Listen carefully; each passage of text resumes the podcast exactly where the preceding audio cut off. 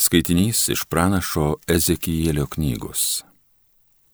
Angelas atvedė mane atgal prie įėjimo šventyklon ir štai iš po šventyklos lenkščio tryško vanduo ir tekėjo į rytus, nes šventyklos priekis buvo atkreiptas į rytus. Vanduo sroveno dešiniaja šventovės pusė į pietus nuo altoriaus.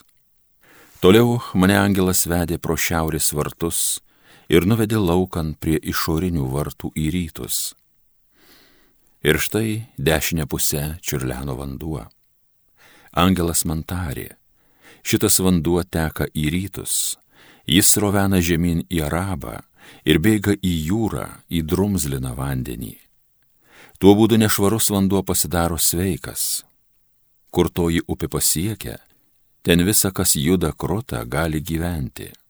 Daug žuvų bus visur, kur tik vanduotas atiteka. Jūros vanduo pasveiksta. Kur tik srovė pasiekia, visa atgyja. Abiejose upės krantuose auga visokie vaismedžiai, jų lapai nevys ir niekad nebus jie be vaisiaus kas mėnuo jie vis vis naujų, nes vanduo tekės iš šventovės, vaisiai tiks maistui, o lapai vaistams. Tai Dievo žodis.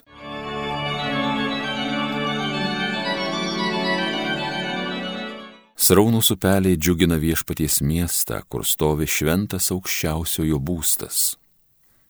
Dievas prieglauda mūsų tvirtovė, jis varguose ištikimiausias mūsų globėjas, Todėl nesibijom, net jei žemė drebėtų, jei kalnai griūtų į jūrų gelmę. Sraunus upeliai džiugina viešpaties miestą, kur stovi šventas aukščiausiojo būstas. Sraunus upeliai džiugina viešpaties miestą, kur stovi šventas aukščiausiojo būstas. Dievas jo viduje, jam nėra ko bijotis, kas rytas anksti ateis, jam Dievas padėti. Sraunus upeliai džiugina viešpaties miestą, kur stovi šventas aukščiausiojo būstas. Su mumis dangaus kariuomenių viešpats, Jokūbo Dievas, štai mūsų tvirtovė. Eikit pasižiūrėkit, ką viešpats nuveikia, kokių stebuklų jis žemėje daro. Sraunų upeliai džiugina viešpaties miestą, kur stovi šventas aukščiausiojo būstas. Alleluja.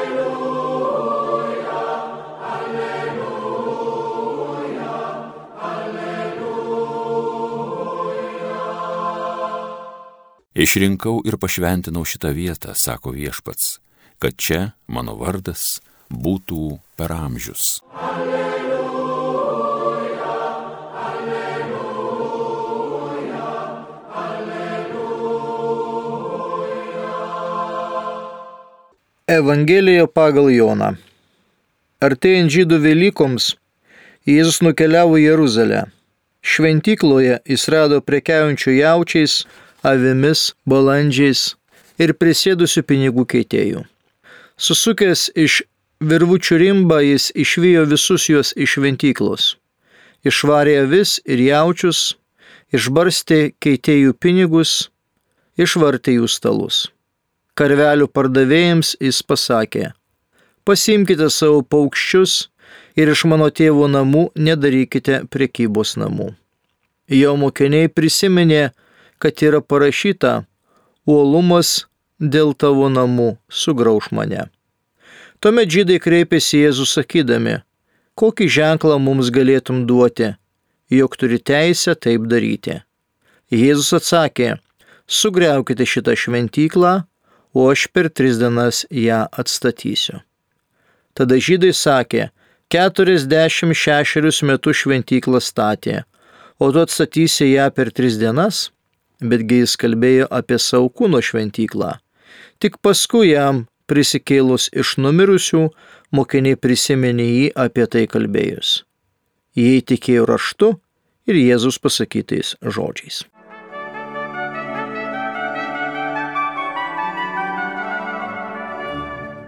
Brangus Marijos radio klausytojai, ką tik tai girdėta Evangelija, kalba mums apie šventyklos apvalymą. Ir tai yra pasakojame visose keturiose evangelijose. Retai, kada visos keturios evangelijos užsimena apie tą patį įvykį. Ir tai reiškia, kad tas įvykis yra labai svarbus.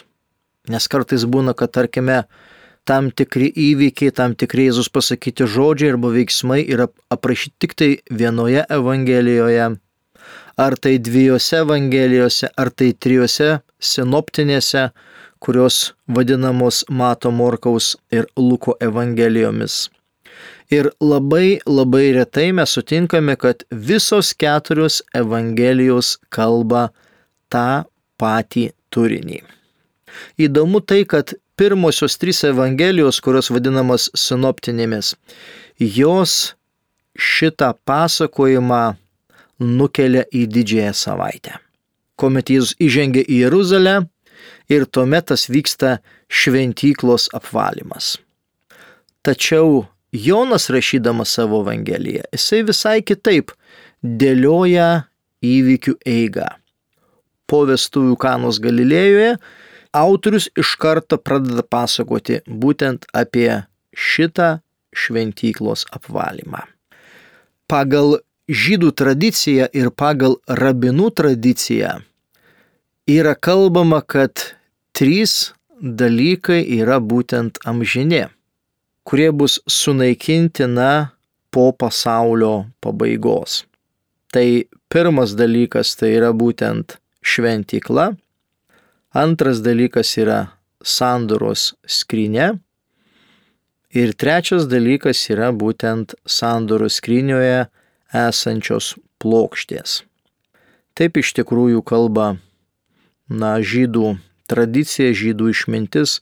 Tai iš kitos pusės žydai labai puikiai suvokė, kad šventykla yra pats svarbiausias Izraelėje pastatas, kuris yra nesunaikinamas, kuris turi amžinumo tokį svertą, galėtume tai pasakyti. Bet istoriškai mes puikiai žinome, kad šventykla buvo sugriauta ne vieną kartą. Tai ir Babilonijos laikų, taip pat ir Romos imperijos laikų įtaka šventykla buvo sugriauta. Bet vis vien šventykla yra kaip Dievo artumo simbolis, kaip Dievo buvimo simbolis, kaip Dievo veikimo simbolis, kaip susitikimo tautos su Dievu ir taip pat, ir taip pat kaip šventumo simbolis. Jeruzalės pastatyta šventykla, jinai būtent duoda tą šventumo, tą tokį skalę būtent visai tautai ir visai teritorijai. Ir dėl to, pavyzdžiui, per Velykas reikėjo visiems žydams keliauti į Jeruzalę į šventyklą švęsti Velykas. Dėl to Jėzus laikais susirinkdavo kažkur tai apie milijoną žmonių į Jeruzalės miestą. Antros kiriaus 13 eilutė kalba, artėjant žydų Velykoms, Jėzus nukeliavo į Jeruzalę. Na, tas nukeliavimas irgi labai gražiai skamba, kad e, Jeruzalė yra aukšteliau ant kalno, dėl to galima sakyti, kad užkopė arba užlipo aukštin į Jeruzalę. Tai yra toksai pastovus, na, sunkus lipimas link to miesto ir link šventyklos. Šventykloje jis rado prekiautojų jaučiai savimis, balandžiais ir prisėdusių pinigų keitėjų. Na čia prašoma iš tikrųjų šventyklos realybė, kad žmonės, kurie ateidavo į šventyklą, jie aukodavo viešpačių Dievo jaučius, avis ir balandžius. Tai yra išvardintos trys rūšys gyvulių, kuriuos žmonės arba kuriuos tauta aukodavo viešpačiui Dievui. Jautis tai aišku didelis gyvulys, jie aukodavo rečiau, bet avis, o ypatingai balandžius tai buvo labai dažnos aukos. Ir dabar toliau kalba, kad buvo taip pat prisėdę ir pinigų keitėjai. Kodėl būtent jie tenai buvo toj šventykloje? Ogi todėl, kad Jėzaus laikais funkcionavo Romos piniginiai vienetai, taip pat ir Graikijos piniginiai vienetai. Bet norint nupirkti šventykloje auką, tu turėdavai pirkti taip vadinamais šventais pinigais. žydiškais šekeliais. Dėl to žmonės turėdavo ar tai romėniškus, ar tai graikiškus pinigus išsikeisti į žydiškus ir tuomet galėdavo pirkti auką. Ar tai balandį, ar tai avį ir tuomet ta auka yra švari. Jeigu žmogus norėtų pirkti už pagoniškus pinigus, ar tai romėniškus, ar graikiškus, tai tuomet auka būtų tikrai nešvari, iš kitos pusės galbūt ir niekas jam neparduotų. Dėl to reikalingi buvo tie keitėjai. Tai matome, kokia iš tikrųjų ta kasdienybė šventyklos, kad buvo, na, pardavinėjamos aukos, kokią norėjo auką paukoti viešpačiui, būdavo žmonės, kurie tau iškeisdavo pinigus ir būtent galėdavai paukoti tą auką. Ir žiūrėkime Jėzaus reakciją. Susukęs iš virvučių rimbą, jis išvijo visus juos iš šventyklos. Išvarė avis ir jaučius, išbarstė keitėjų pinigus, išvartė jų stalus. Karvelių pardavėjams jis pasakė, pasiimkite savo paukščius ir iš mano tėvo namų nedarykite prekybos namų.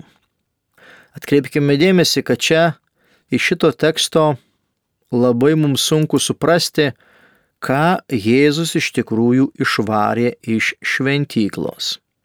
Bet jeigu skaitytume taip nuodugniai, tai mes matome, kad Jėzus išvarė iš šventyklos arba šventovės labiau visų pirma avis, jaučius ir išbarstė keitėjų pinigus ir išvartė jų stalus. Kai kuriuose paveiksluose mes galima pastebėti vat šitą sceną, kad Jėzus stovi su rimbu, rūstaus veido ir su tuo rimbu lupa tuos pardavėjus ir tuos pinigų keitėjus. Bet tekstas apie tai nekalba. Tekstas kalba, kad tai buvo išvaryti tik tai, tik tai avys ir tik tai būtent jaučiai. Išvarė avis ir jaučius. Taigi Jėzus padarė būtent su gyvuliais, bet ne su žmonėmis. Ir toliau Evangelija kalba apie mokinius. Mokiniai toliau prisimena, jo mokiniai prisiminė, kad yra parašyta, uolumas dėl tavo namų sugrauž mane. Ir tai yra citata būtent iš 69 psalmės 10 eilutės. Na ir po šito gesto, aišku, yra tam tikra konfrontacija žydų. Tuomet žydai kreipėsi Jėzų sakydami, kokį ženklą mums galėtum duoti, jog turi teisę taip daryti. Jėzus atsakė, sugriaukite šitą šventyklą, o aš per tris dienas ją atstatysiu tiem žmonėms, kurie išgirdo šitus pasakytus žodžius, tai buvo didžiulis na, nesusipratimas, nes žydai sako, 46 metus šventykla statyta, o tu statysi ją per 3 dienas. Bet jis kalbėjo apie savo kūno šventyklą. Taip galime mes irgi kalbėti. Taigi e, šitoje Evangelijoje praktinis žodis ir pats svarbiausias turbūt e, momentas tai yra aišku Dievo šventovė, Dievo šventykla. Ir aišku, Jėzus, kuris sutapatina save su šventykla. Ir tai yra labai nuostabu, nes Naujojo testamento šventykla tai yra būtent Jėzaus kūnas arba pats Jėzus.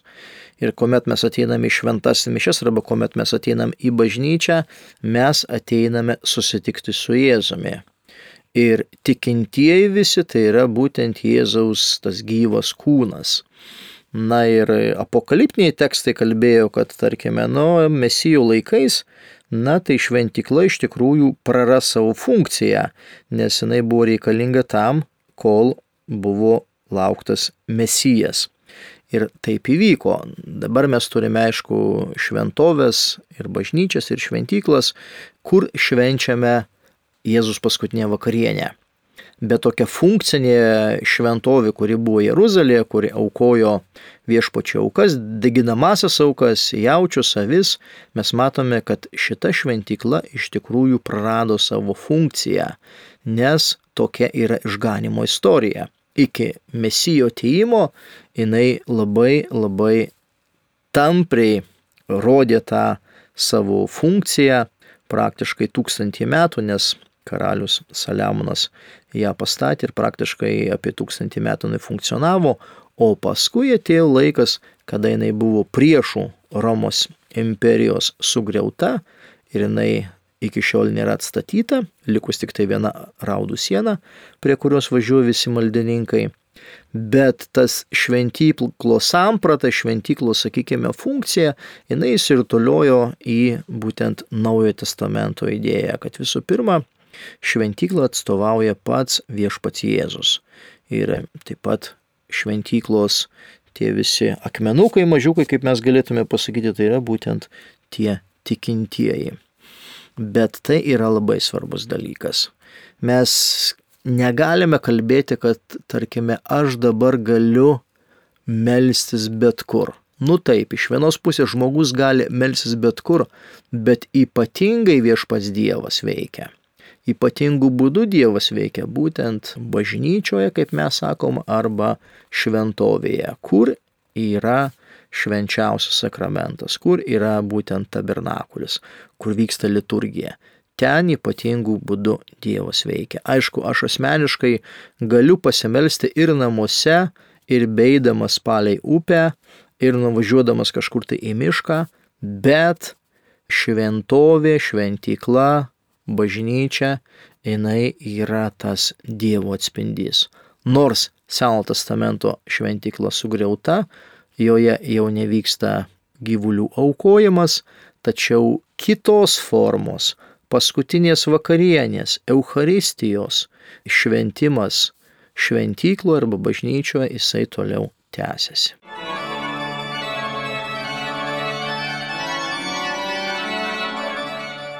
Homilija sakė kunigas Linas Šipavičius.